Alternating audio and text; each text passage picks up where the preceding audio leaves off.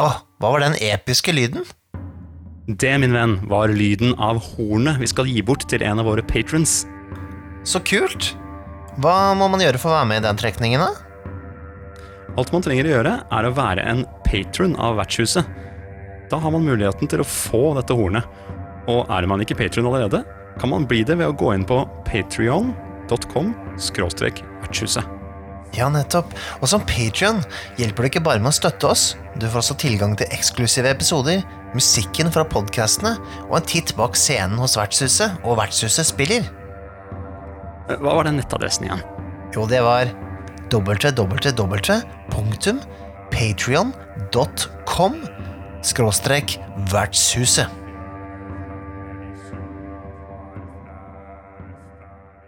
Det var en merkelig bok som lå sånn eh, strategisk plassert midt innpå vertshuset her, eh, Nikolai. Ja, Den hører jo ikke til her, den skal jo egentlig være i, i bokhylla, skal den ikke det? Det er noen som har vært og rota rundt her inne. Ja, og den, den ser ikke helt ny ut heller. Den har fått litt uh, den, den har liksom uh, blitt litt uh, slitt i kantene og sånne ting, men den har veldig fine, vakre farger, da.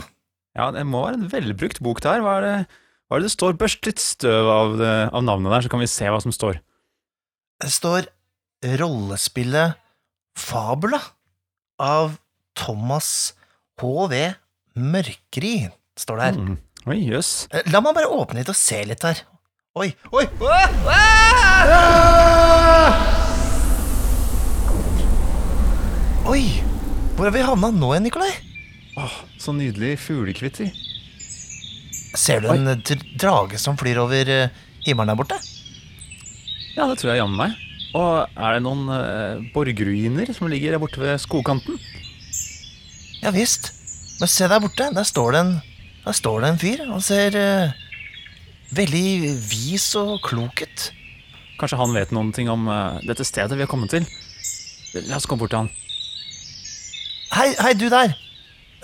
Hallo der. Vet du hvor vi har havna hen?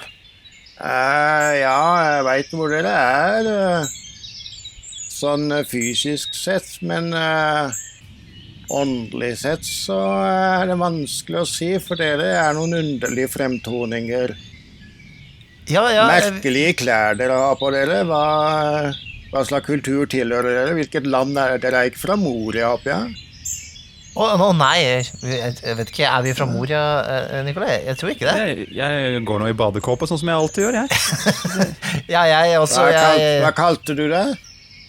Badekåpe? Har dere ikke bad her i, hit vi har kommet?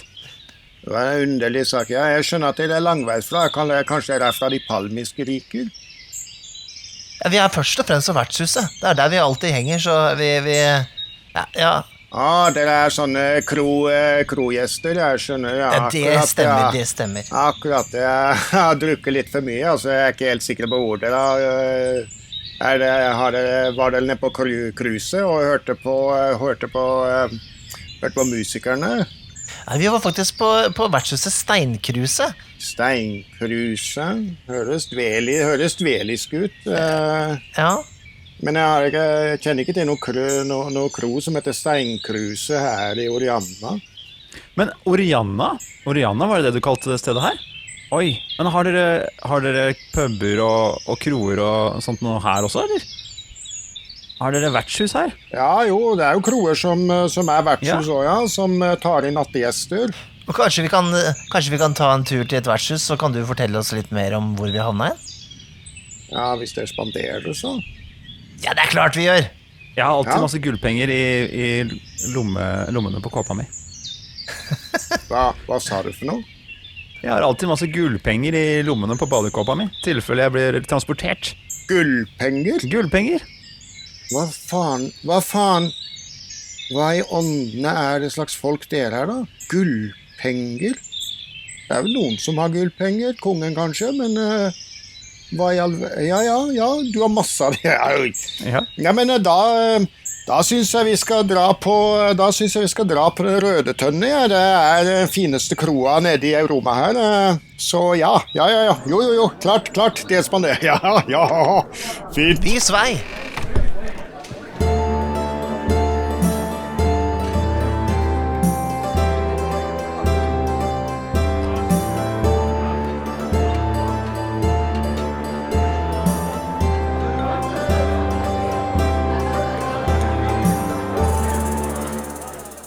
Velkommen til vertshuset nok en gang. Ja, velkommen til vertshuset, eller eh, denne røde tønne som vi nå er på i dag. Eh, og jeg er jo Nikolai Krogshus Strøm, og du? Jeg er Mikael Stensen Solhjell, Ja. og i dag har vi et, eh, har vi et verdig besøk av en legende i bransjen, om du så, vil, så kan kalle det det.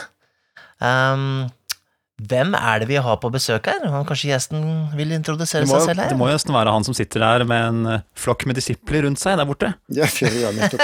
Nei, nei, det var han det var han der gamle raringen som dere traff i veikrysset der, som heter Thomas Mørklyd. Ikke sant? Eh, ja, han sa jo ikke navnet sitt, men det er det, det, er det jeg heter. ja. Og det, det er ingen disipler rundt meg her, jeg sitter helt alene på kontoret mitt. Nå er det online alt, nå, vet du. Så alt, Ikke, ikke avsløre spiller. opplegget vårt, da. uh, men ja, kan ikke du si litt hvem du er, da? For, eh, for Ja, vi har jo hinta litt jeg, er en, jeg er en vestlending og en nordlending, så jeg har relativt saftig språk, og det legger spillerne mine merke til. Mm, Og det hender at spillerne mine, som er ofte ganske unge, jeg driver jo profesjonelt som spilleder, Ja, nettopp. Det hender at spillerne mine bemerker at jeg banner ganske mye. Og da pleier og da pleier jeg å se veldig sånn direkte på dem, og så sier jeg veldig sånn lavt at ja, men her er det jævlig lov å banne så helvetes mye du bare faen vil.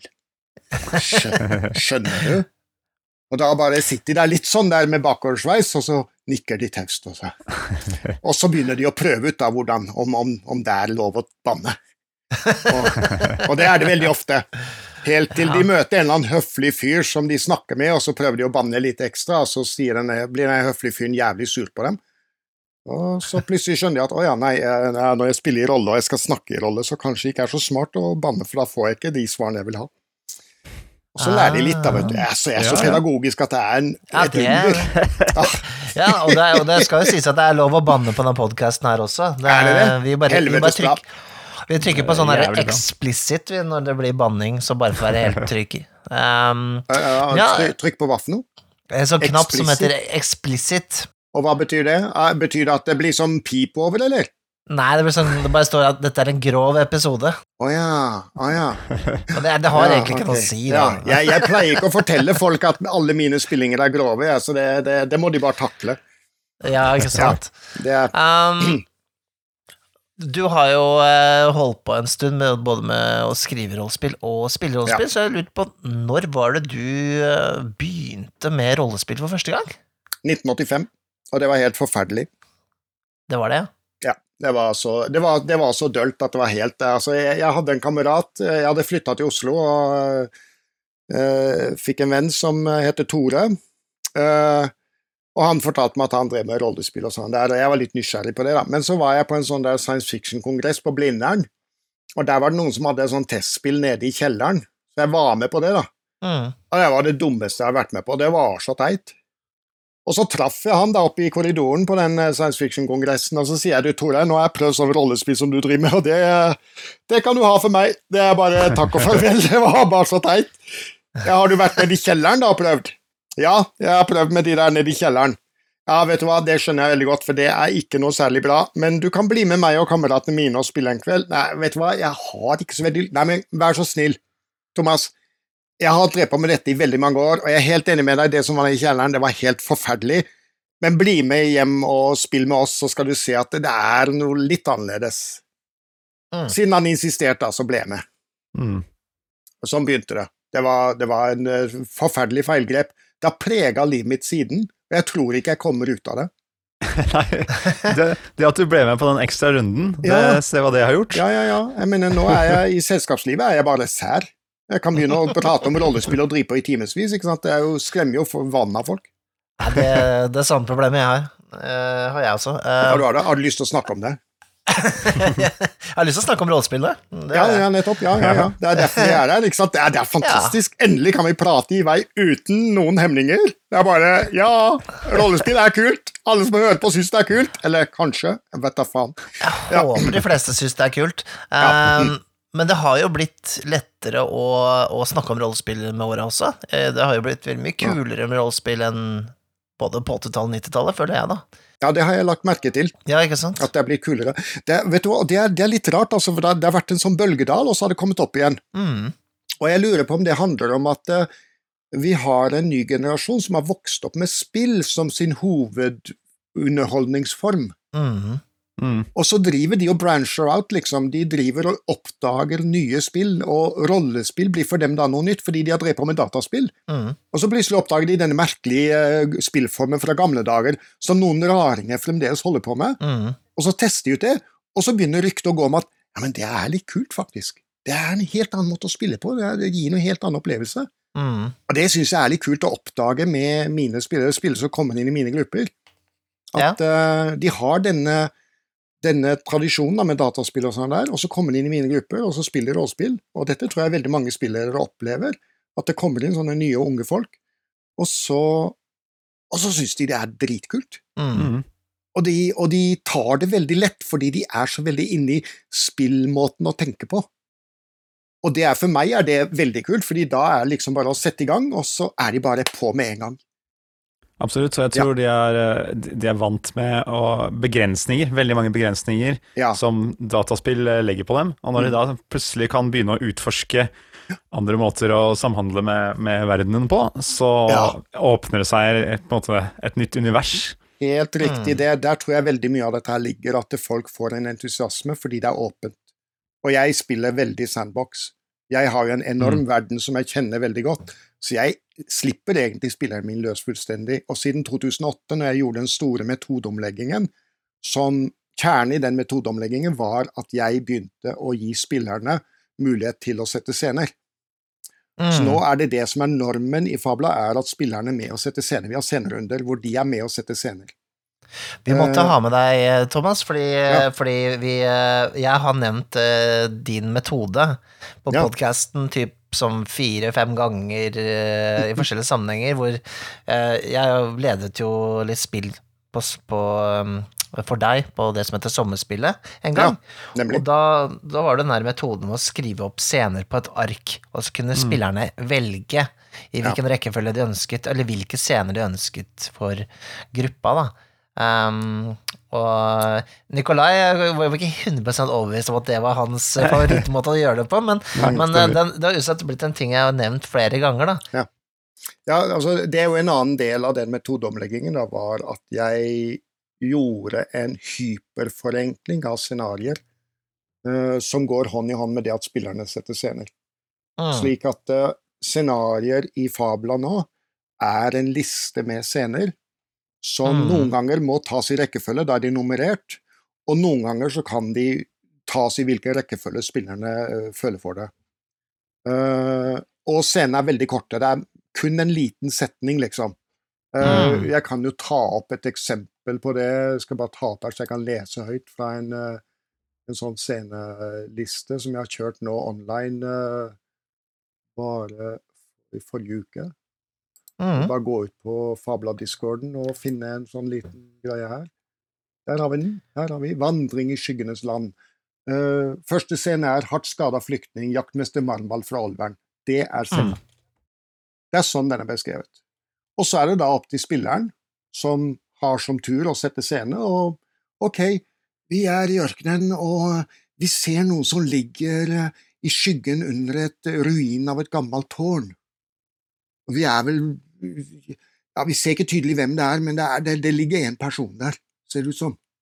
Mm. Det er spilleren som setter scenen. Og dette var en scene som ble satt forrige uke av en spiller. Mm. Ja. Spilleren er 13 år gammel, tror jeg. Og så bare går vi inn i scenen, og så er alle klar over at den de møter, er jaktmester Marmal fra Olvern. De er klar over at han er hardt skada, for det står på scenelista som alle har foran seg og ser. Mm. Men hvordan det spiller ut, og hva slags informasjon han har å gi dem, hva han kan fortelle om hvorfor han ble skada osv., det er det jo ingen av de som vet. Jeg kan fylle ut informasjon som spilleder, fordi jeg vet en god Jeg har lagd scenariet, og jeg vet hva scenariet Hva jeg vil at scenariet skal handle om. Mm. Samtidig så må jeg være åpen for deres måte å ha- sette scenene på, slik at jeg må tilpasse informasjon som ligger begravd i disse korte scenariopunktene, til det de lager av scenen sin. Mm. Neste scene er inngangen til en dal som stinker drit. Neste scene et, en forlatt hærleir merker etter hundrevis av telt. Neste scene er speidende svartork. Neste scene der igjen er speidende svartork. Neste scene der igjen er speidende svartork. Da får vi en sånn der gjentagelse av, eh, av elementer, liksom. Og eh, Mm. da pleier jeg ofte å si at ja, men det er flere nå. Det må være flere. Det må være flere. Hvis scenen gjentar seg, så må det være flere. Altså, det blir mer og mer intenst for hver gang. Neste scene er en høy mur mellom fjellene bevoktet. Er den gnomisk? Mm. Mm. og så en farlig fjellsti. Og, så videre. og så er den siste scenen i dette scenarioet her, som heter Vandring i skyggenes land, det er da en scene som er merka med et spørsmålstegn, og det er rett og slett for at jeg som spilleder eller spillskaper skal kunne lage scener som kun jeg kan sette. Så hvis det står et spørsmålstegn på en scene, så er det kun spillederen som kan sette den. Og der står det ikke hva den scenen er engang. Skjønner. Noen ganger står det hva scenen er, men akkurat i dette scenarioet så står det bare 'hva faen'? Og det er bare for å erte spilleren litt. Men alle, Ja. ser, alle spillerne ser alle scenene i Alle spillerne ser scenarioet, og scenarioet Mm. er en liste med scener. Og det er jo, det... det- er jo grunnbetydningen til scenario. Ordet scenario er jo en liste med scener bak en teaterscene. Det er scenario. Mm. Det er grunnbetydningen av eh, ordet scenario. Eh, så jeg har gått tilbake til den betydningen av, eh, av eh, det ordet. Og så har jeg Mm. prøvd ut med Fabla i forhold til det at spillerne er med å sette scener, og så fungerer det som bare fy. Det er så gøy. Fordi det gir mye rikere fortellerstruktur.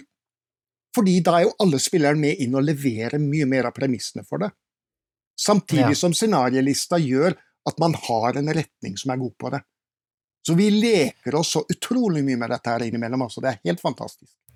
Føler du at, eh, eller opplever du at spillerne gjør frampek til andre scener Ja. som står eh, mm. Ja, Det må jo være definitivt. en fordel med å vite hva som skal skje, holdt jeg på å si, eller hva som dukker opp. De gjør frampek, og de tenker fremover strategisk. Spesielt voksne spillere tenker fremover strategisk. Altså, hvem kommer til å sette den scenen, og hvordan kan vi sette denne scenen på en sånn måte med disse elementene at det faktisk gir oss noe? Og Mm. det er dritkult. Ja. Altså, da, da begynner de å altså, de, de tenker på så mange nivåer, og samtidig så gir det en mye mer sånn eierskap til selve fortellingen, Mm. eller narrativet, da.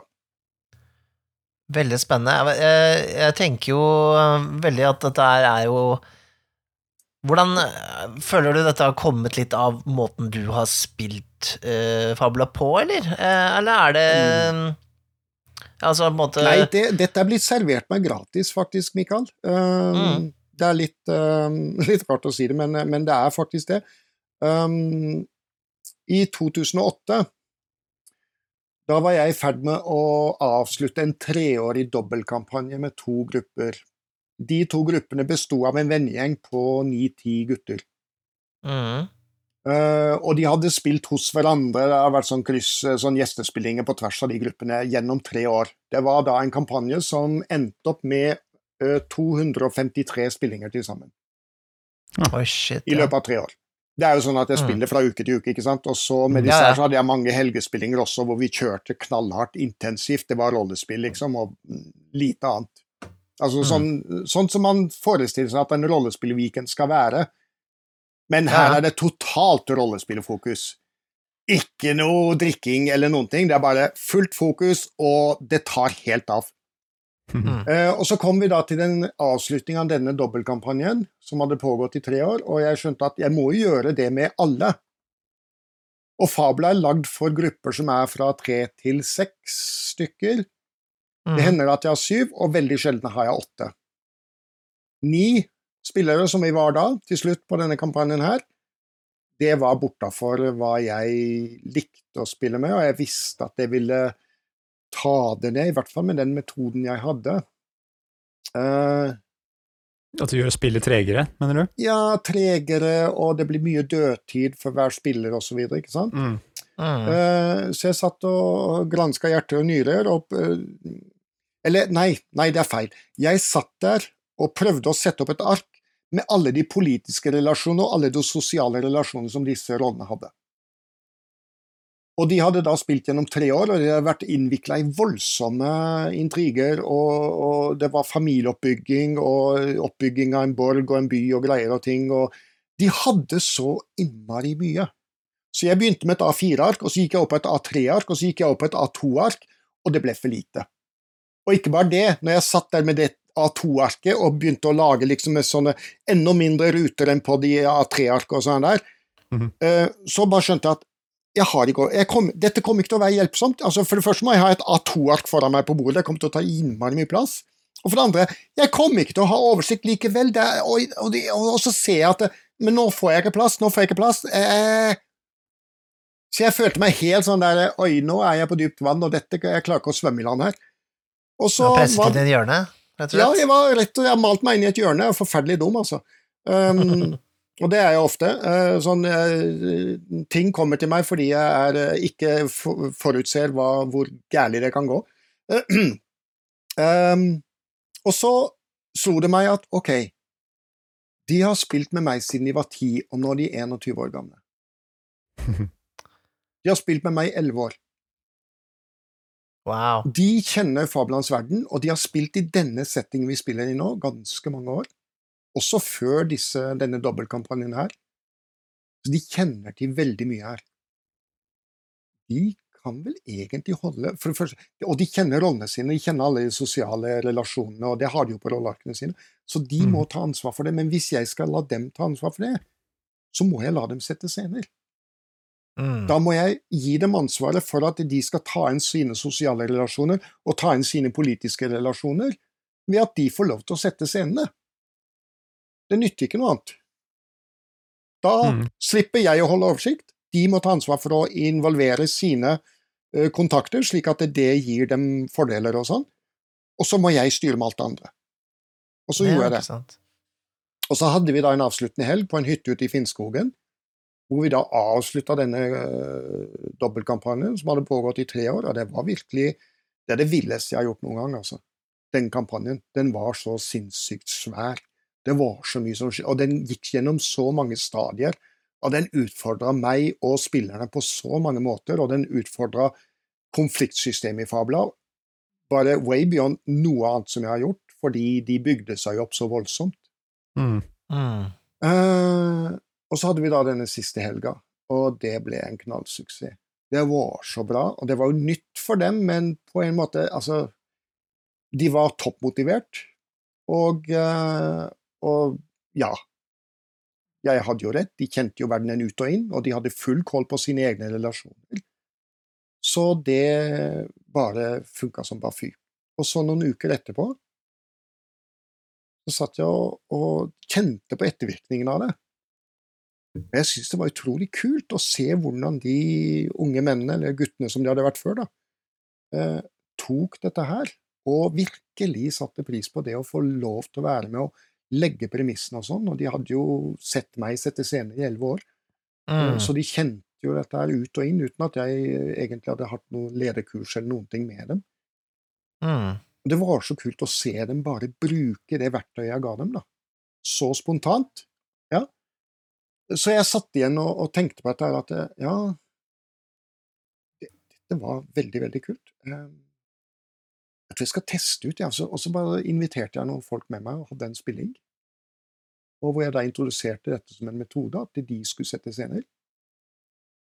Eh, og så bare spilte vi. Jeg la fram et kart, og dere er sånn og sånn, dere er de og de rollene, og sånn der, og nå bare spiller vi en, en liten sånn intrigespill, og dere kan sette scenen som dere vil med hverandre og andre folk og sånn der.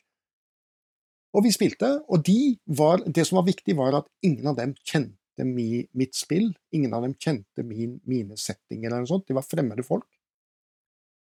Og det funka veldig bra. Ja. Og da skjønte jeg at ok, dette kan funke med folk som også ikke kjenner fabelens verden. Mm. Det er, ikke, det er ikke der det ligger. Hvis de har lyst til å gjøre det, og hvis de er motiverte, så kan de gjøre det, og det er egentlig ikke så mye som skal til. Og så blir verdenen til etter hvert. Og når jeg gjør det med mine spillere, så er det sånn at uh, jeg er jo spilleder, og hvis de får fullstendig frie hender til å sette scener inn, sånn, men selvsagt da i forhold til det vi allerede har spilt, det vi har spilt frem til nå. Så hvis vi befinner oss inne ute i ørkenen, så må de nesten sette ørkenstein. det gir seg selv. Men det er det på en Mhm. måte Én av hundre har et lite problem med å ta det, liksom. Så den er sånn, nesten sånn dead giveaway. Mm. Og så er det det å Veldig enkelt. Du må si hvem som er med i scenen. så må du si hvor dere er, beskrive stedet konkret, altså det, akkurat lokaliteten. Ikke sånn på kartet, men her er det trær der borte, og så er det en elv der borte til høyre for oss, og vi er på veien når vi går nedover. Og så må du si hva som skjer i innledningen på scenen. Hva gjør dere, hva snakker dere om, eller hva er det dere opplever som skjer nå? Å ja, plutselig Ja. kommer det en bjørn ut på veien foran oss.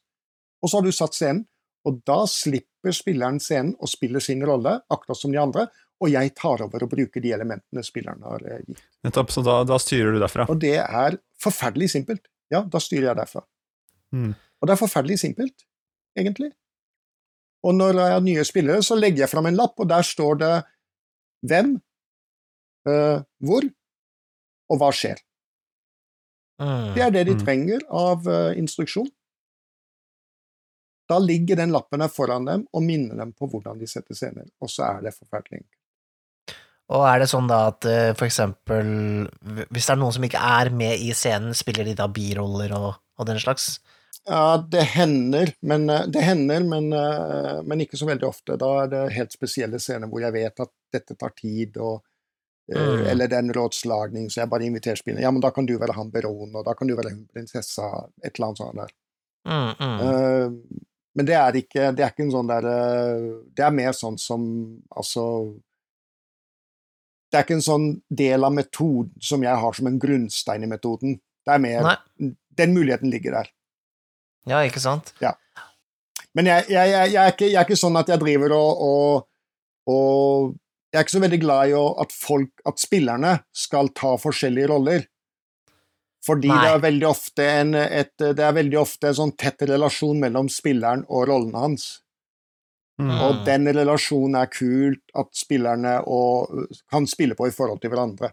Så jeg er litt sånn, jeg er litt sånn tilbakeholden med å gjøre sånne grep, Mikael. Jeg skjønner veldig godt hvor du kommer fra, og ja. Så når du sier den der hvem, hvem, hvem og hvor, så er det Ok, det er, det er med utgangspunkt i at uh, det er en gruppe som ferdes, Ja. og hvem er det denne gruppa møter på? Så hvem Ja. er hvem møter gruppa på? Ja. Ikke hvem er med i scenen, sånn sett, av Jo, de som nei, er i nei, nei, nei. Hvem er hvem som er med i scenen av rollene? Nei, ok. Hvor er helt fysisk hvor de er, og hva skjer? Det er da Der kommer det inn monstre, beist, eh, folk, alt mulig som de møter, eller ting som skjer. Og det kan Mm. være alle mulige variasjoner. Men hvis det kommer inn biroller, så kommer de inn der i det punktet. Og da må jeg være helt på med en gang, som leder, og ta de birollene. Ta de signalene Mm. de sender. At ja, ja, vi kommer nedover veien, og, og der er det en eh, gammel dame som roper et eller annet til oss. Og så er spilleren ferdig med å sette scenen, og da må jeg rett inn i gamle «Ah, Hallo der, dere har ikke lov til å gå på denne veien! Mm. Da må jeg inn der med en gang, ikke sant? Mm. Eller hvis han da sier at eh, der står det en eh, lang fyr og lener seg opp mot en eh, stang og ser på oss mens han patter på pipa, og så sier han et eller annet. Hallo? Ja, unge eventyrer, ja. Hallo, ja. Hyggelig. Skjønner? Det er bare for meg å hoppe inn, da. Og det er utrolig forfriskende, fordi de kaster jo inn alle mulige slags uh, figurer og greier og ting, og de tenker annerledes enn meg. Så jeg blir jo Mm. hele tiden konfrontert med nye utfordringer og sånn. Og jeg har jo drevet på med dette profesjonelt siden 1995, så å drive på i 25 år, da setter du så pris på å få nye ting inn i jobben din, på en måte. Ja. Nå har, nå har vi jo pratet eh, Vi har jo gått ganske mange spørsmål frem da, i forhold til hva vi har satt her, Thomas, Ja, ja, men det er jo ja, ja, veldig, det er veldig fint. Nei, det går så fint at eh, Jeg skulle ha lagt jo fram en scenarioliste for meg, så hadde jeg holdt meg til den. Ja, ikke sant? Nei, men, eh, men det er veldig mye interessant du har fortalt her, og dette her er jo grunnkjernen på en måte i Fabula 2, ikke sant? Det du, eller Ja. den versjonen du spiller nå. Men vi la oss ja. skru klokka tilbake litt, for jeg Ja. tror vi, vi, folk, det er ikke sikkert folk som lytter vet hva Fabula er helt. Nei. Eh, hva er Fabula, og når Mm. startet eh, ferden mot utgivelsen av Fabula? Ja, uh, fabula er noe som ble skapt på seint 80-tall, uten at jeg visste det. Da ble de første elementene til fabelens verden skapt. Det nordlige kontinentet i fabelens verden ble skapt da. Så på eh, begynnelsen av 90-tallet så hadde jeg en spesiell eh, et spesielt spillarrangement på spillfestivalen Arkon, hvor jeg og tre andre spilledere lagde et, eh, et spill som skulle være delvis rollespill og delvis miniatyrspill. Med fire grupper okay. som skulle møtes i en stor miniatyrspillfinale. Det var skitgøy. Um, Mhm. og så, noen år seinere, så jobba jeg på en skolefritidsordning. Og la merke til at eh, fjerdeklassingene, de eldste i den skolefritidsordningen Dette var på eh, Sagene skolefritidsordning. De eldste der, de var dritlei av skolefritids. Og bare drev og rota rundt og skapte trøbbel og bråk. Og var til alminnelig sjenanse for alle. Ja. Og jeg la merke til at de Mm. andre voksne de hadde egentlig ingenting å by på. Fordi disse ungene var lei av det som skolefritids hadde tilbudt dem gjennom tre år. Mm. De hadde sett alt og gjort alt, og de var bare De dreit i alt, for det, det, skolefritids hadde ingenting å by dem. Og så tenkte jeg at jeg kanskje jeg skal prøve bare å, å gjøre noe rollespill med dem. Så jeg gjorde det, og det tok helt av ja, jeg kan se for meg det.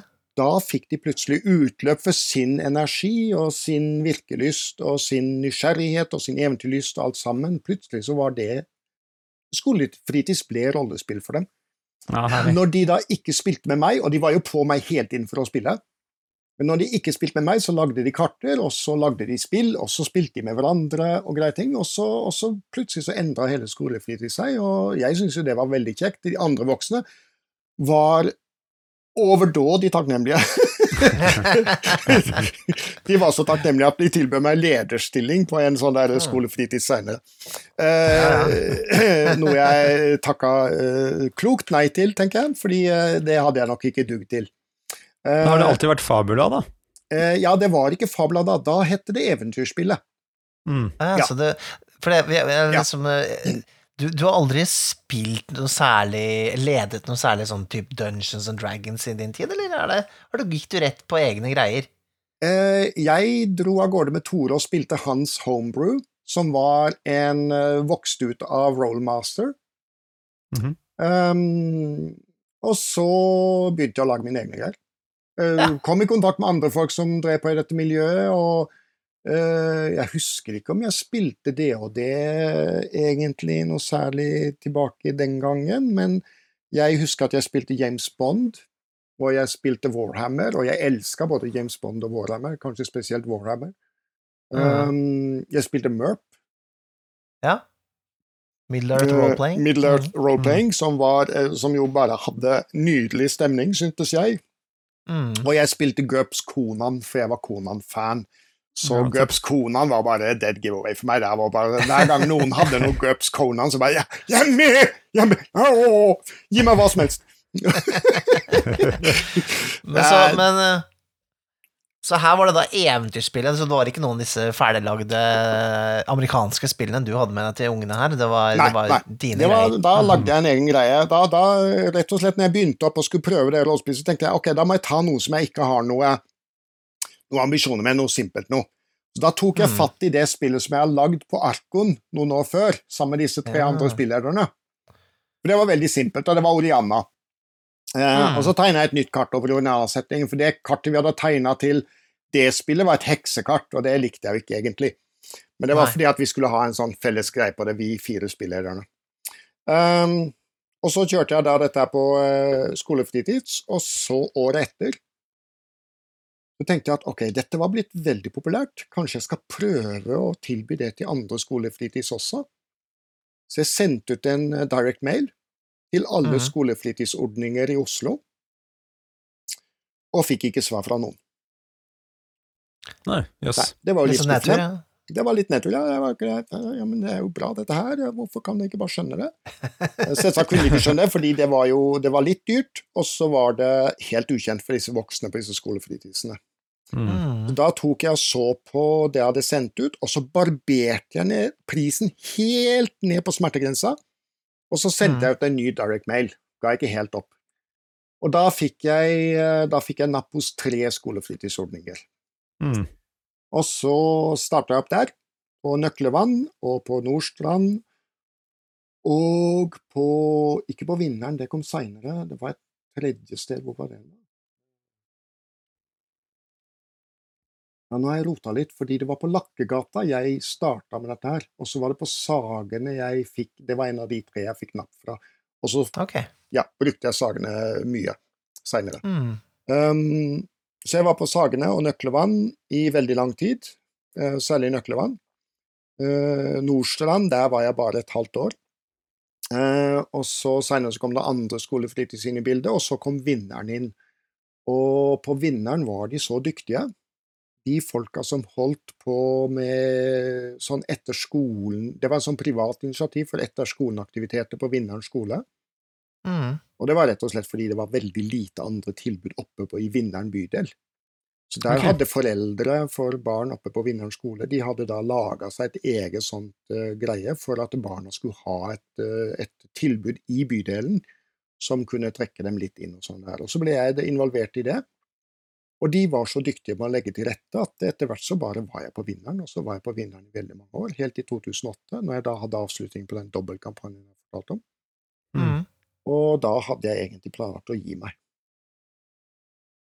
Ja, Da hadde du sa ledet rollespill for, eh, ledet rollespill for skolefritidselever. Da I hadde og De siste årene hadde jeg bare leda privat. Da var det ikke noe skolefritids inne i det hele tatt, etter at jeg Nei. kom til Vinneren. Og etter hvert var det ikke på skolen heller, fordi eh, byrådet bestemte jo at eh, man skulle ha utleie, man skulle ha sånn markedspris på leie av eh, rom når man skulle drive med sånne fritidsaktiviteter, og da forsvant jo hele fundamentet for å bruke skolene til sånne ting. Det var et forferdelig vedtak. Det ødela jo mye for mange ungdommer, tenker jeg. Um, men så i 2008 så ga jeg meg, da. Men så var det ei dame som ringte meg en dag, og hun sa at ja, sønnen hennes var så ulykkelig. eh, så, eh, så, for han hadde gått på skolefritid, så der hadde det vært en, en fyr som hadde spilt uh, Dungeons and Dragons med han. Nå, nå skulle han fyren slutte, og sønnen hennes var helt fra seg. Mm. Så, og så hadde hun googla, så hun funnet mitt navn, så hun lurte på om jeg kunne tenke meg å gjøre en sånn eh, Holde en gruppe for ham på Kjelsås, da. Mm. Nei, det kan jeg ikke. Nei, jeg beklager. Jeg har gitt meg, jeg er ferdig, så jeg beklager, det kan jeg ikke. Ja, men, ja, men han er så ulykkelig, skjønner. Og han har jo en spillgruppe, så det, det, det er liksom en spillgruppe der. Nei, beklager, altså, jeg har gitt meg, jeg skal skrive bøker, jeg skal skrive roman igjen, så er, jeg er ferdig med å lede rollespill. Ja, men eh, vær så snill, vi, eh, altså, er det ikke noen måte jeg kan overtale deg på? Hun var så jævla tigget og masete og forferdelig, hun der dama der. Så jeg, jeg bare tenkte at ok, nå slenger jeg et bein til, til bikkja slik at den løper vekk. Så jeg sa Mhm. ja, ok, hvis du klarer å finne et sted som er gratis, og du samler en gruppe eller to Nei, forresten, jeg vil du skal samle to grupper. jeg var bare beina. Um, og få satt opp det med sånn Og fortelle meg da hvilke dager de kan spille og sånn der, så kanskje skal jeg vurdere det. Ja, greit, sier hun. og jeg bare ja, fint, ha det, og la på røret og ja, fint, sånn, skriv romaner. En uke seinere så ringer hun. Jævla dama hadde fiksa to grupper, hadde fiksa at vi kunne sitte på et rom på kultursenteret oppe på Kjelsås. Mhm. Går an, liksom. Det, det var jo bare et bein jeg slengte for å bli kvitt henne. Du måtte følge opp, da. Så da begynte så da var, ja, da var jo jeg bondefanga idiot jeg var. Det er to ganger du har prøvd å, å legge deg vekk, eh, og så blir du halt inn igjen eh, Ja, først, likevel. først og fremst så ville jeg ikke Jeg hadde prøvd en gang, ikke sant, og ville jo ikke mer, så det, og så ble, var det bare Tore som insisterte. Altså, insisterende mennesker, altså de er veldig plagsomme, men på en eller annen måte så har de nok ganske De, de, har, de har en misjon i livet. Mm. Så jeg er spesielt for sånne med- folk som meg, som ikke ser fremover i det hele tatt. Og så plutselig sitter du der med rollespillmateriell eh, Ja. opp etter veggene og, og Ja, nesten opp i taket. Det gjør jeg. Altså, jeg mener, hallo, hvis du ser her nå, ved siden av meg Der er kartmappen Lytterne våre liksom, ser det ikke, og- men vi kan jo forklare litt hva vi ser her. Ja, ja, ja. Det er, det er, det er bare en, en hylle som er full i, i, i én, to, tre, fire, fem høyder med kartmapper. Ja, Det Ja. meste for Fabula, da. ja, nettopp. Ja. Så det. Men Fabula, det, det ble jo gitt ut. Jeg har Ja. notert at det ble gitt ut på Cappelen i 1999. 1999, Uh, da hadde jeg drevet på i, uh, i noen år og, uh, og tenkte at ok, nå har jeg fornya spillet hver eneste sesong, og den gangen var sesongene mine halvårlige. Mm. Da hadde jeg jo drevet på siden 95. Um, da tenkte jeg at ok, jeg sender inn eh, det siste manuset her til, til Cappelen. Da heter det Eventyrspillet. Mm. Og sendte inn det. Og fikk da kontakt med redaktør der, som hadde vært litt borti rollespill og sånn. Det var jo bare chance happening, kan man si. Eh, Cecilie heter hun. Um, og hun kjørte da en prosess med meg hvor vi lagde Fabula. Ja. Da ble Fabula skapt. Da fikk Sammen du navnet med- Fabula, Ja. og uh, kom ut på Cappelen. Eh, de var ikke så veldig erfarne med rollespilldesign, de var ikke så veldig erfarne med rollespillutgivelser. Så utgivelsen var ikke helt ideell, kan du si, og jeg var ikke så veldig erfaren, selv om jeg hadde gitt ut en bok før på kappelen, så var jeg ikke så veldig erfaren med å håndtere eh, samarbeidet med forlaget, slik at eh, det, det ble ikke en helt ideell utgivelse. Men det ble en utgivelse, og Fabla er gitt ut og er solgt, utsolgt i mange år siden. Mm. Og det har jo, eh, det har jo vært der. Det, jeg møter jo stadig på folk som har spilt Fabla, som bare kommer fra et eller annet sted ute i landet, liksom, og har plukka opp denne boka og satt seg ned med vennene sine etter hvert, og, og, og så har de plutselig, har plutselig endra livet deres. Det er utrolig kult. Da. Det, er, det er gøy. Jeg tror det er manges drøm å gi ut et rollespill som, på, på et stort forlag, da. Ja. Ja. Eh, Det er liksom, det tror jeg mange tenker på, som er spillskapere i Norge. Mm. Det, det er det nok. Eh, I 2003 så lagde jeg noe som eh, eh, Lagde jeg en sånn egen, egen greie for å hjelpe folk som drev og lagde rollespill. Ja. Eh, hva var det det het? Rollespill ja, Et eller annet, jeg husker ikke. Det er mange år siden. Vi fikk 250 000 kroner fra Kulturrådet for å gjøre dette her. Uh, engasjerte to mennesker som var med meg og hjalp meg med det. En oppe i Trondheim og en i Bergen. Mm -hmm. uh, og da fikk vi inn en del manus fra folk. Noen som jeg kjente fra før, og noen som jeg aldri hadde hørt om. Og da, da snakker vi kanskje det Draug og sånn, gjør vi ikke det? Draug blant annet, ja. Mathias Holter Mm. sitt spill, han kom med det. Um, og vi ga da stipend til dessert. Mm. Og det var et stipend fullstendig uten noen uh, tråder eller uh, noe som helst. Uh, prinsippet var rett og slett at hvis du har lagd et rollespill, Mm. og du kommer og viser det til oss, så kommer vi til å gi deg et stipend hvis vi syns dette spillet er bra. Ja. Og hva du gjør med stipendet, det er helt revnende likegyldig for oss. Vi vil bare gi deg dette stipendet fordi du er kul og har skrevet et kult, bra spill. Du kan godt Ja. Bruke stipendet kunne- på å ta deg en Kanariøyene-ferie, altså. Det fortjener du hvis du har lagd dette spillet gjennom så mange år og spilt det med så mange folk osv. Det. Det, det, det er en veldig fin metode å drysse penger der hvor du ser at det er en lidenskap allerede. Ja, hvor du Da- ser at det er en lidenskap. Da blomstrer det jo. Ja, Mm. det er det, og det er så kult. Altså, jeg har opplevd det sjøl og fått, uh, fått støtte fra folk på forskjellige måter, både i form av penger og andre måter. Uh, det er så kult å få berøm for ting du gjør og ting du brenner for. Mm. Det er ingenting Mm. som er og det er ingenting som kaster bensin på bålet. Som at noen kommer og sier ja, men vet du hva, jeg har lyst til å gi deg masse penger, jeg har lyst til å gi deg tusenvis av penger fordi du gjør så bra ting. Ja. Nei, jeg mener, hallo, eh, hva, hva skal du gjøre da? Ta til tårene, eller bare sånn der eh, Jeg mener, det var en fyr som ringte meg, som hadde fått penger fra, fra dette tiltaket, og var helt sånn der eh, Han var, sånn, han var så grøtete i stemmen når han ringte meg og takka for at han har fått stipend. da. Mm. Ja, det er jo fantastisk. Og så spurte jeg om hva han skal bruke pengene til, og så sa han bare Aner ikke. Men det er, drit, det er dritkult å få de pengene. Anerkjennelse i seg selv. Ja! Ja. Det var, det var utrolig gøy. Noe av det fineste jeg har gjort, altså. Men Der har du jo Du har jo Jeg vet ikke om dette er en del av det samme, men du har jo rå, vært en rådgiver på uh, forskjellige spill, har jeg skjønt. Mm. Og, og jo vært en, på en måte en slags mentor for eh, spillskapere i Norge gjennom uh, 2000-tallet. Ja, Eh, tidligere, tidligere har jeg vært det, ja. Eh, nå er jeg helt ute av miljøet i det hele tatt. Eh, men jo, Mm. jeg har vært, jeg har vært rådgiver for Ole Peder Giæver med Itras by, mm, og, Mm. og Martin også, selvsagt, da. Mm. Og for Matheis Holter med Draug. Mm. Men altså, de har kjørt sine egne prosjekter. Jeg har vært inne som konsulent, på en måte. Ja. Um, men de har kjørt sine egne prosjekter og skapt fantastisk bra spill, syns jeg. Jeg syns de to spillene står så utrolig støtt på egne bein, og de som spillskapere står helt uh, på egne bein, sånn, Mm. sånn ved siden av meg, altså. Og til en viss grad bare bortenfor også. Ja. Um, og så Men det har bare vært veldig, veldig gøy å være en del av det gjennom veldig mange år. Uh, uh, Matheis sin lille invitasjonsfestival nede i Holmestrand. Uh, Arkon, som har vært for meg et sånn der gefundenes fressen spillskaperverksted, hvor jeg har testa ut alle mulige nye ideer og metoder og greier og ting, Mm. og kasta det på spillere som har kommet fra det og det bakgrunn, eller noe sånt, og ikke Mm. har peiling på hva de kom borti.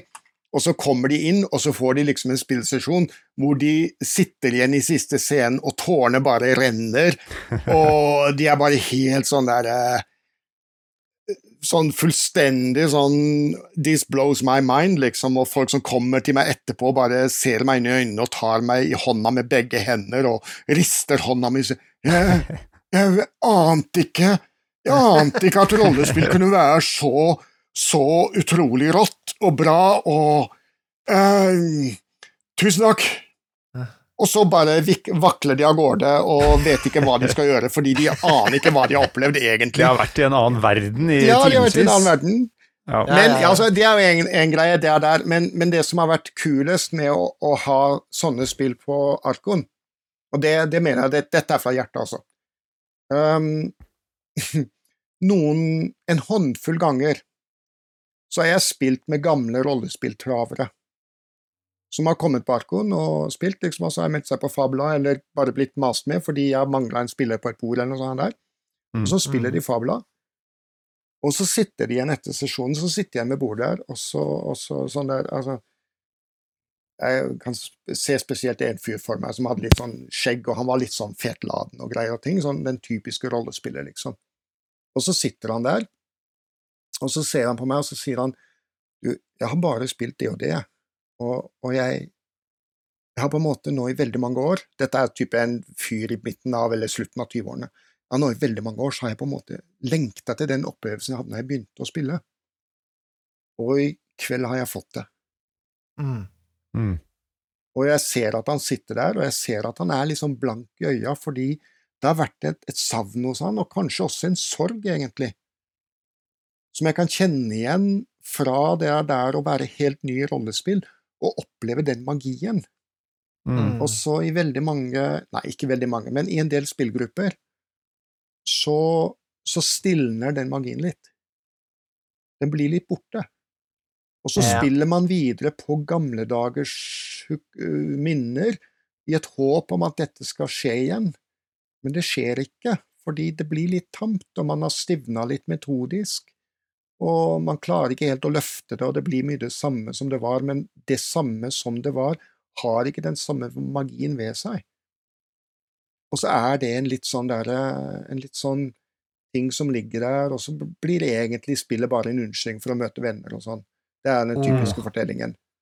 Den Men- er stakk, den er stakk. Men her har jeg Ja. akkurat vært borti sjøl. Ja, ja, men den er det veldig mange som har vært borti. Og Mm. tingen er at eh, det da å sitte der og være spilleder, og gi jobbe med en metode som kanskje er litt sånn på siden, litt bortafor og sånn der, som utfordrer spilleren litt. Akkurat nok, liksom. Mm. Til at de føler seg litt utrygge og litt sånn at oi, dette er litt nytt. Og også det å være spiller som er villig til å gå litt inn i det emosjonelle, inn i det relasjonelle, hvor spillere blir utfordra litt på sånne ting også, som gjør at det blir litt sånn eh, Forrykka balansen litt, kommer litt ut av, ut av komfortsonen, men akkurat nok til at de faktisk er med på det. Ja. Um, da oppstår den magien på nytt. Og det å få lov til å være der, da, og sitte på Arkoen, og oppleve at en mann da i slutten av 20-årene, eller i 30-årene, eller i 40-årene for den del, um, gir meg en sånn hjertefølt tilbakemelding om at nå var jeg tilbake i magien. Ja. Det, er, det, er, altså, det er bare sånn der, det er, det er sånn som får meg til å rødme. Det er så utrolig kult, og det trenger ikke ha vært verdens beste spillsesjon. Når noen sier det til meg, da var det verdens beste spillsesjon. Altså. Da, da var det bare sånn Oi, fy faen, dette er så heftig å få tilbake. Fordi jeg har vært der sjøl, som du sier, Mikael. Jeg har vært der selv, Mm. jeg har kjent på den greia sjøl. Så det å få lov til å gi den gaven til noen, det er utrolig bra. Ja. Ja, jeg, jeg kjenner meg veldig igjen i det, og, og, og um, det er nettopp den derre Spesielt med regeltunge spill og sånn, sånne Mm, ting, ja. så blir det ofte at man, man sitter igjen nesten mer og, og flikker på, på, på reglene enn når man faktisk rollespiller, og det, det kan nok skje litt uh, Iallfall når man har spilt lenge, da. Så jeg kjenner meg veldig igjen i det. Spesielt sånn Dungeons and Dragons-spilling, da, så um, Så er det ikke Det er ikke à la carte i rollespillmiljøet lenger. Nå er det jo, det er jo Buffeen er åpen! Det er jo så mange opplevelser man kan gå inn i og hoppe Det er jo Ja. Hoppe på et risk-spill, eller det finnes jo masse småspill og større spill og scenarioer og regler man kan utforske. Men hva tror du det er med Fabula som, eh, som kan eh, Som spesifikt eh, At du kan bruke det til å, å få fram disse følelsesfolka? Er det, er det noe i designet, eller er det, er, det, er det deg, eller Ja. Ja til begge? Ja, det er uh, noe i metoden. Mm. Metoden er uh, kjapp og fleksibel. Det er uh, Altså, jeg har utvikla denne metoden gjennom veldig mange års intensiv spilling. Så jeg har en, en Med veldig mange forskjellige folk. Jeg har aldri Aldri vært redd for å invitere fremmede folk med. Eh, jobben min, som er å spille profesjonelt, baserer seg på at jeg tar imot alle som melder seg på. Eh, og ryktet går, så jeg, jeg har jo ikke jeg har, Siden den gangen i 1995, når jeg sendte ut denne direct-mailen Mm. to ganger, så har jeg ikke reklamert for spillene mine. Oi. Ryktet bare Mm. går. Og da, de som da kommer inn og vil være med, de ønsker jeg velkommen, og så lager jeg plass til dem på en eller annen måte, og flytter på spillere fra gruppe til gruppe og sånn, for å få plass til at du kan spille på akkurat den dagen da det faktisk passer for deg og sånn. Mm. Mm. Um, og ellers, når jeg da spiller privat eller på festivaler og sånn, så har jeg alltid vært åpen, og alltid vært inkluderende, og alltid prøvd å invitere folk inn, bare sånn fordi de tilfeldigvis er der, og jeg trenger noen spillere, så kan du ikke være med, da. Mm. Mm. Eh, Og så spille, da. Og da må du spille med det du får der, da. Eh, Så gjennom så mange års intensiv spillpraksis med Gud og hvermann, så har jeg lært meg ganske mye om mennesker. Fordi det å spille rundt et bord på denne måten, det er eh, en ganske personlig greie. Altså, du, du, du viser frem deg selv gjennom Mm. reaksjonene dine og aksjonene dine Mm. veldig tydelig, egentlig, når du er med på noen spillsesjoner. Um, og der uh, jeg som spilleder er en tjener for spillet, og samtidig så merker jeg at intuisjonen min er blitt sterkere og sterkere på å spille spillerne. Mm. Jeg kan på bare sånn rent intuitivt utsette spillere for utfordringer som de er Som virkelig er utfordringer for dem, som er kule, som, som berører noe i dem. Mm. Um, og så er det metoden da som har dette med at du kan skifte på tempo. Du kan gå helt ned og stoppe tempoet opp fullstendig, og så kan du gå opp, spesielt hvis det er kritiske situasjoner og konfliktsituasjoner, så går du opp i tempo, slik at eh, konflikter blir mye mer heseblesende og mye mer stressende, og mye mer likt virkeligheten enn det er i veldig mange andre klassiske rollespill, hvor tempoet Mm. synker når du går inn i konflikt, fordi da Mm. skal man sitte og legge sammen masse tall og greie ting, og det er ikke så mange tall å legge sammen i Fabla. Ehm, og noen ganger så kan du, uh, som leder i Fabla, så har du friheten til å se bort fra uh, se bort fra tallknusingen, for selv om det ikke er så mange tall i Fabla, så er det noen tall der, men du kan velge å bare se bort ifra og si at denne gangen så slår du ikke med noen bonuser, du bare slår på rein uh, ferdighetsnivået ditt pluss Mm. terningen. Og da er det forferdelig simpelt, og da går det fort. Ja, Eller stemmer det. jeg bare gir deg en, en, eh, en konsekvens ut ifra din reaksjon på hvordan scenen settes. Mm. Dere står der, er helt forvirra på hva som skjer, så kommer det fem stykker stormende mot dere med sverd. Hva gjør dere? Hva gjør du, Mikael? Hva gjør du? Eh, Nei, du gjør ingenting! De bare kommer der! Du får opp sverdet, og de hogger ned, og dere detter! Ny scene! Dere har sneket dere inn i et smug, dere er hardt skada begge to, støtter dere mot hverandre, og så kommer det ei jente rundt hjørnet, og hun ser på dere med store øyne. Hva gjør dere? Kom, bli med meg! Kom, bli med meg!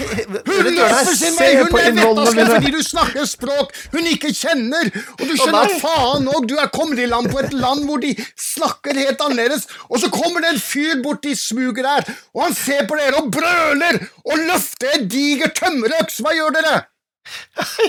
Jeg vet ikke. Mikael, løp, løp, Mikael! Ja, løp. Jeg har okay. spilt med Thomas Jeg har spilt med Thomas før, og det har vært intenst. Ja, ikke sant? Når du kommer, når du plutselig blir kasta inn i et sånt temposkift, Ja, ja, ja. så skjer det noe med deg. Altså, det er noe med at eh, jeg hever stemma mi og brøler nærmest inn i ansiktet ditt, ikke sant? ja, ja. Og høy lyd utløser noen reaksjoner i oss som biologiske vesener. Det er fare. Ja. Og vi Mm. reagerer. Vi reagerer, og det kommer i gang. altså. Det er Hormonsystemet vårt slår inn, og sansene våre varsler om fare. Her er masse Og han fekter med armene. Oi, oi, oi, nå må vi passe på! Eh, Og han kommer nær, han er stor, han er høy, han står over meg, liksom. Eller han står bak meg og lurer på hva er det du gjør for noe. Eh, Jeg liker ikke at folk står bak meg og hvisker det et eller annet i biologien min som sier at det ikke er bra. Nei. Folk jeg stoler på, de står foran meg, de snakker rolig, og de ser meg inn i øynene og spør pent. De står ikke bak og kommer med innsmigrende stemme og, og har noen fingre på siden av ansiktet ditt som bare driver og klør litt i lufta, liksom. Det er sær opptreden. Så sånne ting, sånne ting er, Ja. hører til metoden i fabler, da.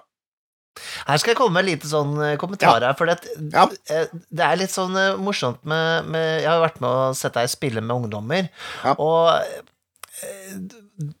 din metode er jo ganske sånn Ja, sånn som nå, da. Det er litt sånn intens og sånne ting.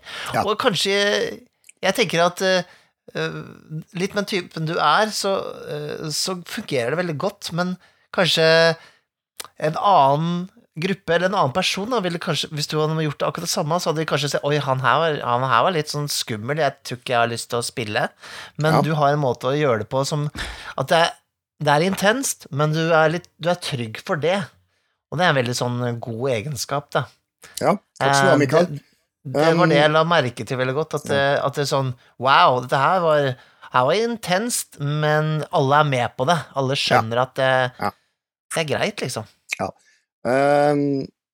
jeg har noen kommentarer til det der, fordi eh, jeg har jo holdt en god del lederkurser opp gjennom tiden, og jeg har vært en god del diskusjoner rundt eh, med rollespill og metodikk og alt mulig i rollespill. Mm. Og ehm, jeg har observert at det er en god del folk som syns at noen av de metod... Uten at de har prøvd de egentlig, syns at en del av de metodiske grepene jeg har presentert, har vært litt eh, utfordrende, og så har de da prøvd å argumentere med ja, men dette er knytta til deg som person. Mm. Um, og du kan si det slik at ja, disse metodiske grepene er utvikla gjennom min måte å spille på, Mm. men de er gyldige for flere. Og det vet jeg fordi veldig mange av mine metodiske grep er utvikla i det spillskaperverkstedet som Arkon har vært for meg. Ja. Hvor jeg har Mm. hatt med meg andre spilledere til å lede scenarioer hvor vi har testa ut metodiske grep, og da har vi testa ut Først har vi da, da har vi først samla oss før Arkon, gjerne helga før eller noe sånt. Og gjerne to eller tre helger før også, sånn, altså to eller tre ganger før Arkon, hvor vi har spilt disse scenarioene og testa ut de metodiske grepene og justert dem, slik at når vi kommer inn på Arkon, så er alle spillerne mine veldig sånn De er trygge på de metodiske greiene de skal gjøre. Og det viser seg gang etter gang, eller har vist seg gang etter gang. Da. Nå har jeg ikke gjort dette her så veldig mange de siste årene. Uh, men den tiden jeg drev på mest intensivt, intensivt med det, så viste det seg gang etter gang at det var ikke personavhengig. Nei. Det er metoden som fungerer. Og det mest, mest klare eksempelet på det, det var når vi um, kjørte på Arkoen et år, et scenario som heter Idioten. Mm. Um, uh, Det var en, en railroading-scenario. Jeg har Mhm. ikke noe sånn imot railroading, det kan brukes, det er et verktøy. Uh, Hvis man bare gjør railroading, så blir det ganske kjedelig. Men dette var et railroading-scenario fordi det hadde et helt klart endemål. Uh, Det var en landsby, bare for å fortelle veldig kort det scenarioet. Det var en landsby som hadde et problem med at avlingene svikta. Og de visste hva det var, for dette var noe som skjedde med jevne mellomrom fra generasjon til generasjon. Hver generasjon så kom det et år hvor avlingene svikta og trua landsbyen med hungersnød. Og dette skyldtes at oppe i fjellene overfor landsbyen så bodde det en ånd, en veldig mektig fjellånd. Og i tidligere tider hadde landsbyboere bygd et alter på en fjelltopp langt inne i Dragefjellene. Og for å blidgjøre denne ånden som da gjorde at avlingene svikta, at jorda ikke ville gi noe til avlingene deres, slik at det ikke vokste og grodde som det skulle, for å blidgjøre denne fjellånden som da gjorde det med disse avlingene, så måtte de opp til det alteret og gjøre et blodoffer. Mm. Spillerne er da unge mennesker i denne bygda som skal opp til dette alteret, og de skal ha med seg geit. Og den skal de ofre. Og så er jo da veien opp dit er kjent, liksom, så det er bare en rekke sånne scener som er satt Mm. opp. Greit nok. Det som er viktig, det viktigste grepet i dette scenarioet her, er uh, birollen Idioten. Ja. Han er broren til en av rollene, og han vil gjerne være med, da. Men Kan, kan, kan ikke jeg få være med nå? Nei, alle spillerne bare sånn Nei, du kan ikke være med, liksom. Mm. I rolle. Ja, men eh, jeg, jeg er jo ganske sterk og kan bære ting, da. Jeg kan jo bære maten, jeg. Nei, vi klarer å bære maten sjøl, vi. Det. Ja, men kan ikke jeg få lov til å være med? Jeg, jeg vil jeg bare være med, så jeg har lyst til å gå på tur. Nei, men det, vi skal opp og gjøre et blodoffer og sånn. Jeg kan bære geita! Nei, den kan gå sjøl. Altså, det var masse sånne Det var en sånn samtale der, da. Som Mm. i alle de seks gruppene hvor dette ble spilt, så var rollene avvisende. Fordi Ja. spillerne bare Nei, det, det blir feil. Og, og Mm. de, tenkte, de tenkte kanskje i sitt stille sinn at spillerne, spillederne ville at den idioten skulle være med, men at Mm. det, det trengte ikke de ta hensyn til. De kunne bare si nei. Eh, Men så viser det seg da at en av de eldste i bygda, han kommer da inn og sier at jeg har eh, gjort åndemaningen nå, og eh, dere må komme dere av gårde, men det er en liten ting som, som åndemaningen fortalte meg. Jaha, ja, idioten må bli med. Det er viktig, tror jeg. Å, skal jeg bli med? Åh! Og så var greia, skjønner dere, det metodiske grepet var at denne birollen Idioten, han var en Mhm. veldig sånn hyggelig fyr, da. Og han likte så veldig godt å klemme. Han likte så godt å ta på folk. Mm. Så alle vi lederne, i løpet av denne fire timers spillsesjonen som vi hadde, så drev idioten hele tiden, altså lederen, og reiste seg opp og gikk rundt bordet og liksom holdt rundt folk og klappa dem på skuldrene og på hodet og, og ga dem klemmer og sånn, da. Dette var før koronaens tid. Um, og det var jo veldig mm, kleint og plagsomt, ja. ikke sant, til å begynne med. Mm. Men hele det metodiske grepet er jo basert på at fysisk kontakt med folk skaper, skaper bånd. Mm. Og han var jo harmløs, og han gjorde det med alle, så alle ble utsatt for det samme, og da blir det litt mindre kleint. Og så var han så entusiastisk, for han skulle alltid være positiv, han var alltid sånn «Å, det er så koselig, kan, kan, kan jeg få en klem? Sånn, etter hvert så begynte han å spørre, ikke sant, for sånn, og så fikk han en klem, da, en liten klem. Jeg er så glad i deg, jeg! Og så tok han på skulderen deres, og sånn, og så gikk han og satte seg igjen, ikke sant, så, og så drev han på hele tiden, med alle sammen rundt bordet. Og så drev de da på og gikk gjennom dette scenarioet med han da på denne måten. Mm. Og så møter de en drage som ligger tvers over dagen de er på vei opp til et alteret. Ja, og dagen er ikke noen urimelig drage, den sier bare at ja, hvis jeg får geita, så er det greit. Da kan jeg gå videre. Og de tenker at ja, ok, flere av dem er jegere, så de kan jakte et dyr på veien opp, fange et dyr på veien opp, og så kan de få med seg blodoffer likevel. Men selvsagt, dragen har vært oppe i fjellet her en stund, så det fins jo ikke vilt. Så de Mm. kommer opp til toppen av, av fjellet, opp til alteret, og de har ikke noe å ofre. Og da er det idioten sier at ja, men men dere kan jo ofre meg. Mm. Og så har du bygd opp relasjoner til idioten Ja, uh, i fortidens timevis allerede. Og det er nei, nei, vi kan ikke ofre deg. Nå, men jeg er, jo, jeg er jo en som ikke gjør noe i bygda, jeg, alle er så snille med meg, og, så, og nå kan jeg gi tilbake for det redder bygda, og, og, og alt gror, og alt blir fint. Og stau! Argumentene til idioten, uansett hvor simpel han er, så er de helt uslåelige. Mm. Ja. Så i alle det, seks ja. gruppene så ender det da med at spillederen legger seg oppå spillbordet, bruker det som alter, og så er det sånn bare sånn teknisk Nå markerer dere med fingeren deres hvis dere tar en kniv og kutter av pulsåren hans. Oh. Og så er ligger han bare der. Og så ligger han bare der, da, spillederen. Ja. Så jeg, jeg er klar. Jeg er klar. Um, um, hvordan du, du, du, må ikke, kry- du må ikke skjære på tvers, du må skjære på langs, ja, ikke sant. Mm. sier han idioten, for det har han lært et eller annet sted i bygda, for der driver de jo med slakt og greie ting, ikke sant. Ja, ja. Hvordan du bloter et dyr, er jo ikke å kutte sånn, det er å kutte på langs av uh, pulsåra. Mm. Og det er bare sånn der, ja Så hvem, hvem skal kjøre meg da? Og det er så plagsomt! Der står spillere rundt dette bordet, som rundt alteret, og da personifiserer de sine roller fysisk foran Mm. denne idioten som ligger der og venter, da. Og så skjærer de, kutter de pulsårene hans, og så sier «Øh, kanskje noen kan holde meg i hånda? Og da har du plutselig seks par hender som kommer og skal holde idioten. Kan, kan, noen, kan noen legge et hånd på hjertet mitt? Åh, synes nei! hjertet mitt, hjertet mitt slår så ganske mye nå, ikke sant? Og, og det, ja, og jeg, jeg, nå synes jeg begynner å bli kaldt, jeg. Å nei! jeg, kan, noe, kan jeg få en klem? Åh, det er klemmer, og det er klapping på hodet, og det er ikke måte på. Og det var 30 spillere med i de seks gruppene. 29 Mm. av de spillerne, de sto i den scenen der og bare grein.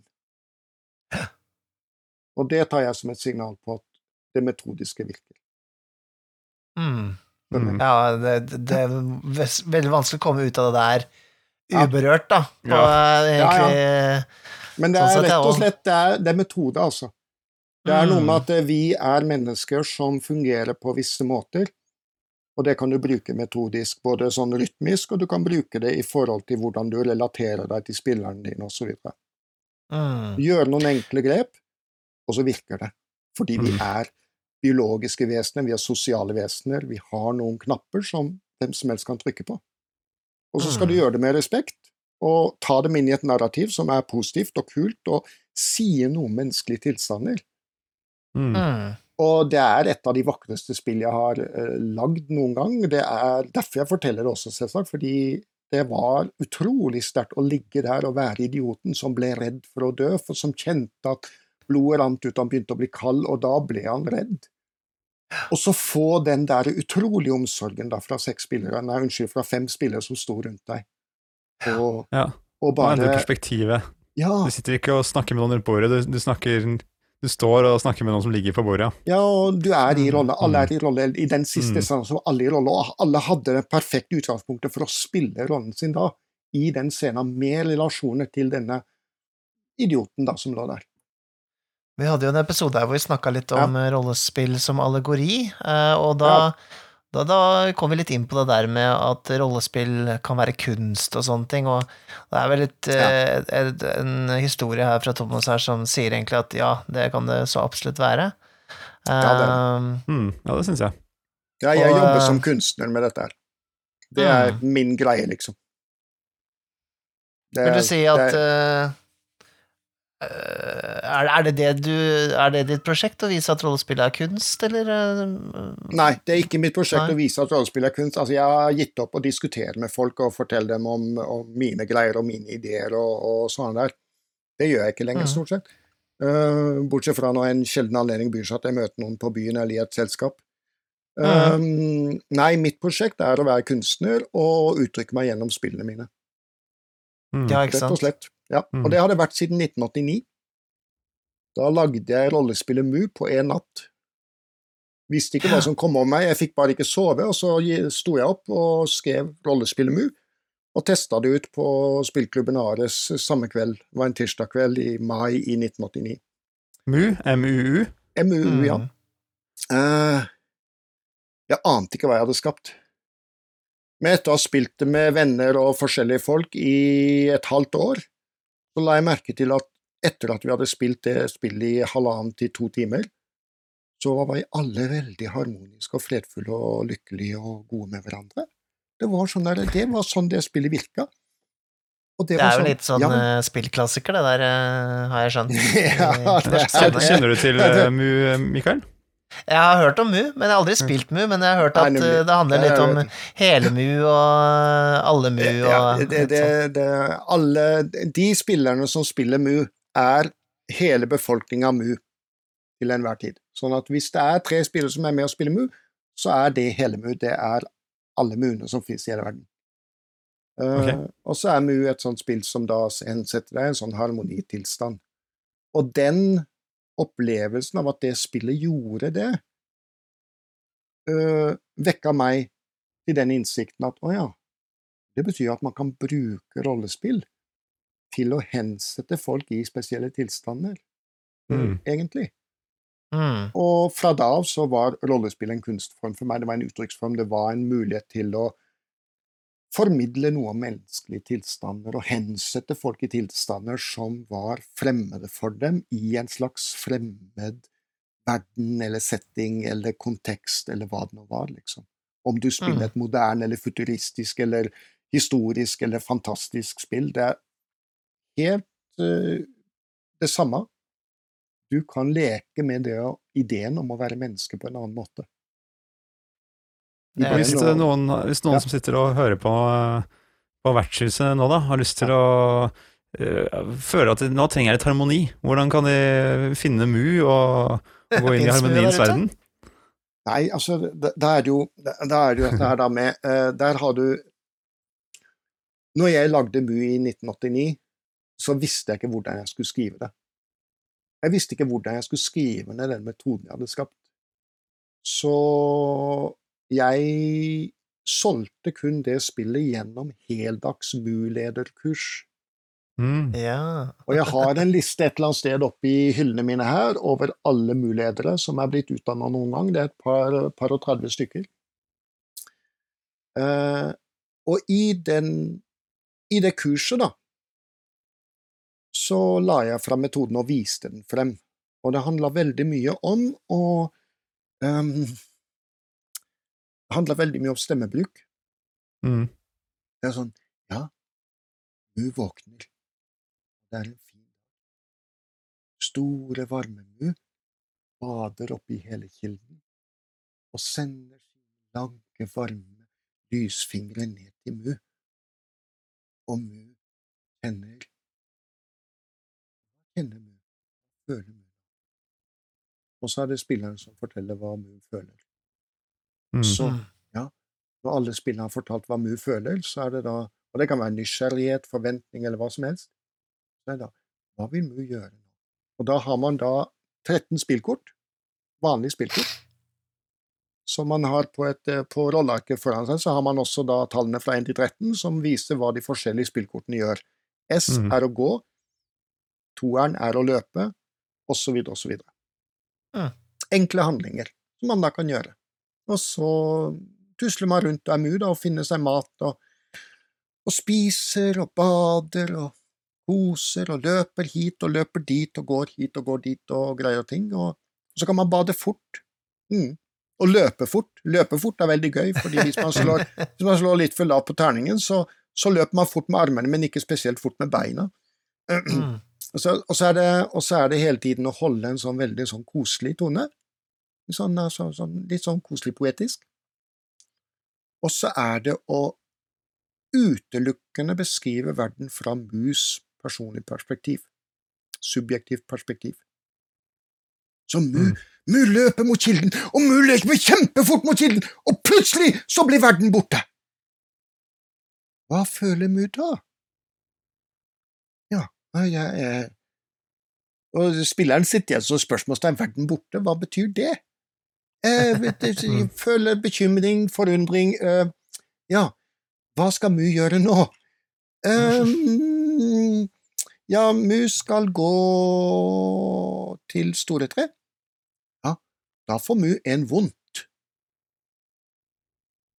Å, hva føler Mu da? Eh, Mu føler bekymring. Redsel, faktisk. Ja, hva skal Mu gjøre da? Mu skal løpe vekk. Ja, da får Mu en vondt. Oi, nei, da føler Mu panikk!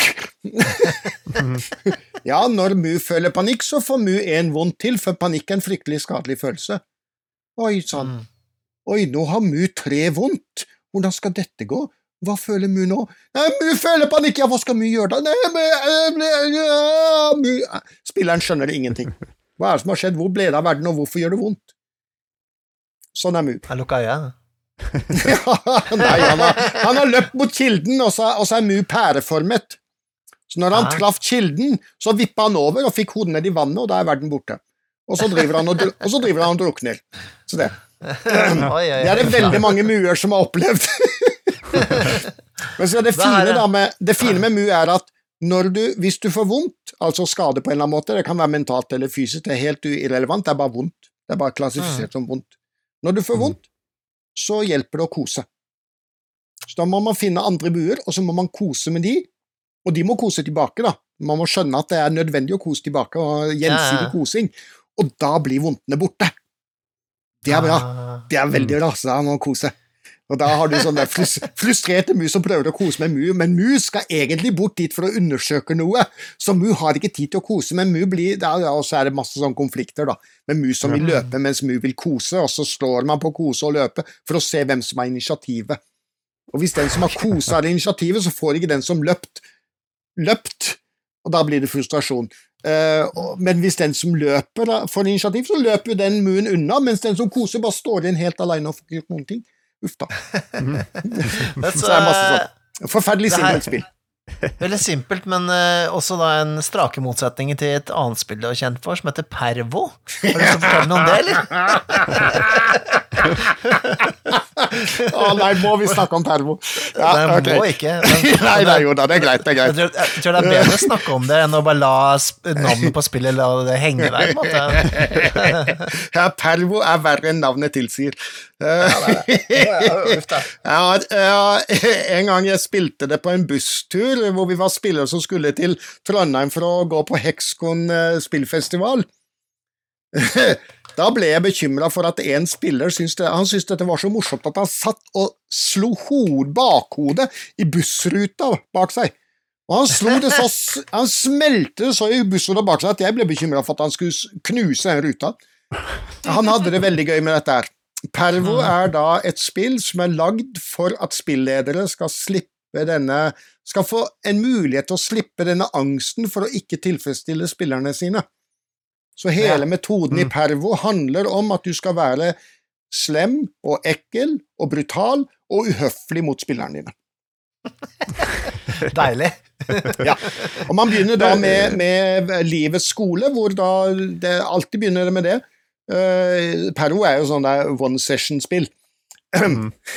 Eh, det begynner med livets skole. Man har nettopp blitt uteksaminert fra livets skole, og rektor Arnold står jo der og ønsker deg lykke til i verden utenfor livets skole. Livets skole befinner seg innenfor noen ganske høye murer hvor man er trygg og kan utforske ting på egen hånd. sånn, og Så har man lært seg noen sånne ferdigheter, da. De ferdighetene er ikke viktige i spillet, egentlig. Eh, De ferdighetene er eh, oppsummert i én sånn eh, sekkegreie, kan du si, og det er flinkhet. Hvis du har høyt på flinkhet, så får du det til. Hvis du har lavt på flinkhet, så får du ikke til. Så skoleflinke får det mye bedre til. Hvis du heter Thomas, så får du pluss på flinkhet. Ja, Ikke sant? Eller hvis du heter det spillederen heter, ganske enkelt. Da får du pluss på flinkhet, og det er opp til spillederen å bestemme hvor mye pluss du får. Du kan for eksempel da si nei, da får du 20, ja, du heter Thomas, ja, da får du 20 på flinkhet. Mm. Ja. Thomas med H, sier du. Ok, nei, da får du bare 19. Nei, det går ikke. Ja. Sånn. Eh, og du heter Mikael. Eh, eh, du har fem på flikket. Sånn. Eh, og så går man da ut i verden, og så er reglene veldig enkle. Første regelen er første encounteren i spillet er dødelig. Ja. Ja. Mm. Andre regelen er øh, øh, Oi, shit, husker Det er lenge siden du har tenkt på pervo. det er tre regler, altså. Det er forferdelig lenge siden. Fabula Fabula.no slash Pervo Skal vi se om vi får Oi, oi, opp. oi, det ligger online nå? Ja, det ligger online. Og, og Pervo HTML må jeg vel skrive, kanskje. Der har vi Pervo. De tre reglene. Fabla.no slash pervo HTML. Pervo.html. Det er regelen. er, ja, ja, ja. Den kan du gjerne dele, altså. Der, der, ligger, der ligger alle reglene for Pervo, med nydelige illustrasjoner. Ja, De har jeg lagd selv. Jeg er, en, jeg er jo en utrolig habil tegner. Det kan du se der. Jeg ser det. Ja, Ja, det er, dette er jo datagrafikk i, eh, av ypperste klasse fra 90-tallet. Ja. Mm. Eh, Det er det. Ok, jo. Deilig word. Eh, Første regelen i rollespillet Pervo gjelder det samme som i virkeligheten flinkhet. Den som er flink, får det til, den som ikke er flink, mislykkes. Flinkhet er et tall mellom 0 og 20. De som får 0, er døde før spillet starter. Regel to. Det første møtet er dødelig. En av rollene skal dø uansett hva de møter. Regel tre. Alle skal dø. Det var det. Det var regel. Det er regelen. Så Ja, det- hele ideen Hele ideen med disse greiene, eller med disse reglene er at uh, du skal ha en stor gruppe, sånn 10-20 stykker. Fordi spillet blir veldig bra når du har drept en fire, fem, seks spillere. Mm. Da begynner spillet virkelig å løfte. Og når du dreper en spiller, i første encounter for eksempel, du dreper en spiller, eller en mm. rolle, Mm. ja. Ok. Mm. Hva var det du het igjen, forresten? Var det Nikolai? Ja, Nikolai, ja. Ja, Nikolai. Nikolai, du dør i første encounter. jeg dør i første, det er jeg ganske sikker på. Nikolai, Nikolai. Eh, hallo, Nikolai. Vi kan ikke ha med sånne idioter som deg. Da får du, Nei, altså, du, det, er, det er trangt rundt bordet her. Vi er mange spillere, så nå må du bare flytte deg. ikke sant? Sånn. Ja, Sånn. jeg, for jeg er Hallo, død. hallo. Ja. Gi Ja, plass jeg- til folk som kan rollespillet nå. Jeg går bort du? Jeg Da er, det, da er det sånn man sender den spilleren vekk. Uansett alder eller emosjonell eh, vaklevonhet eller noe som helst. Det er bare sånn, du bare høvler over de så godt du bare kan. Nei, du har jo bart, ikke noe rart at du døde i første encounter. Folk med bart er jo trøndere, og trøndere er jo totalt uintelligente. Sånn, De tapte jo, de fikk jo aldri Norges konge, egentlig. Ehm, og så videre. Du bare prøver på alle mulige måter å si noe dumt og ekkelt. Og så sender du spilleren vekk, og du sender spilleren fysisk vekk. Mm.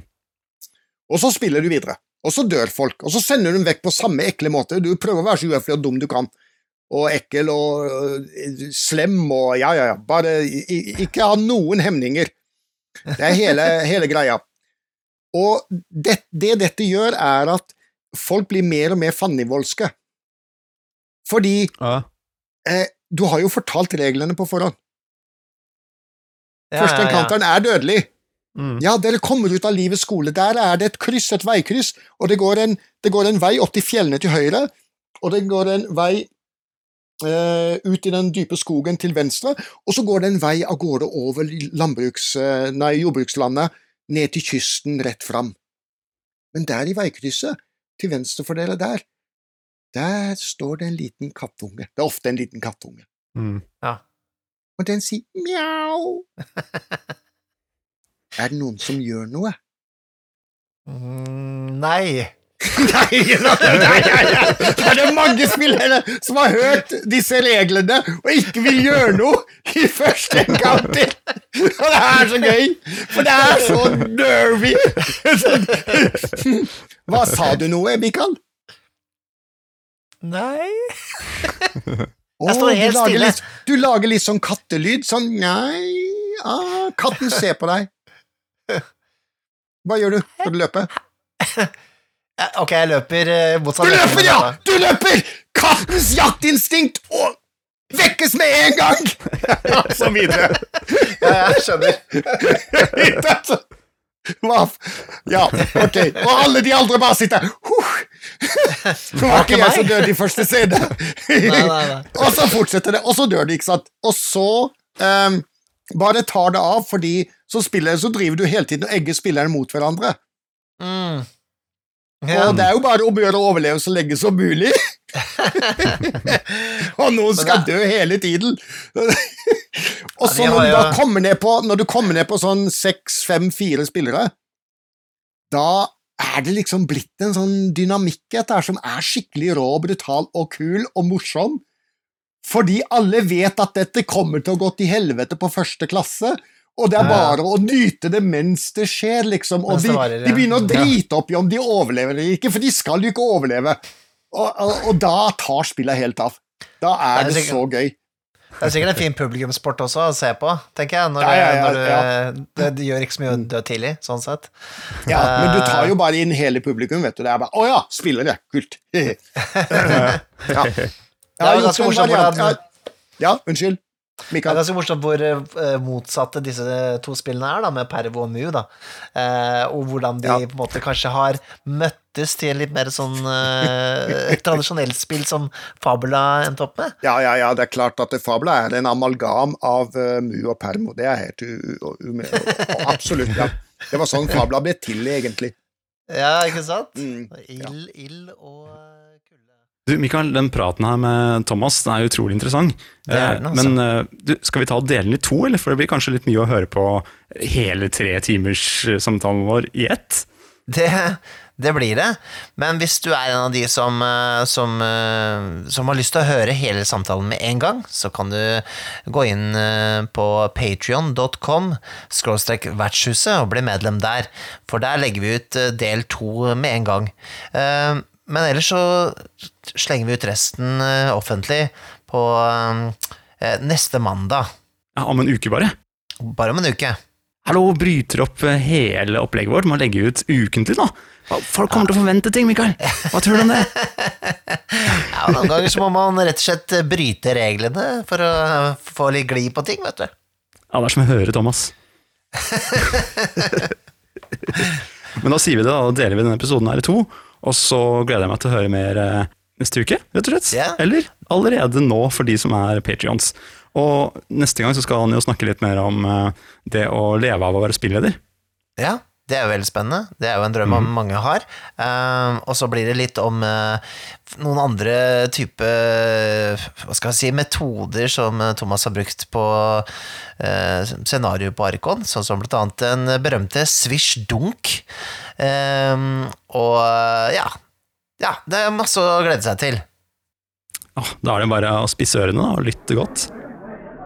Vi prates igjen. Take it away, Roland.